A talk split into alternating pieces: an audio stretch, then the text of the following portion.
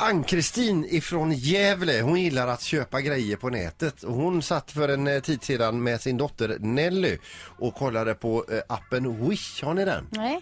Det är, man köper ju billigt från Just det. Asien. Ja, då ska jag ladda ner den. Det är Ja, väldigt billigt. Man får ju ibland eh, vänta länge innan man får sin sak och sen vet jag inte alltid hur de grejerna är så men det är billigt i alla fall. Ja.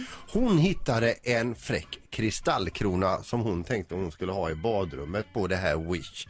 Så hon sitter och pratar med sin Nelly och så säger så här, om den är nu inte snygg när den kommer så må det vara hänt. Den kostar bara 90 kronor. Och det, den ska skickas från Asien. Så de går ju där hemma och väntar på att få, få sin kristallkrona. Ett, rätt som det är så får de ett sms. Den finns att hämta hos postombudet. Hon går dit och vad får hon? Hon får ett pyttelitet paket. Okej, vad är det i? Hon packar upp och mycket riktigt där ligger ju den här kristallkronan. Den är inte högre än en citron. och den är alltså till ett dockhus. Stod inte det i beskrivningen? Eller var det på mandarin kanske? Hon säger nu efteråt att hon hade lite bråttom. Ja. Det står att den är skala 1 till 12. Okej. 90 kronor i alla fall. Ja, vad billigt. bra pris. Ett poddtips från Podplay.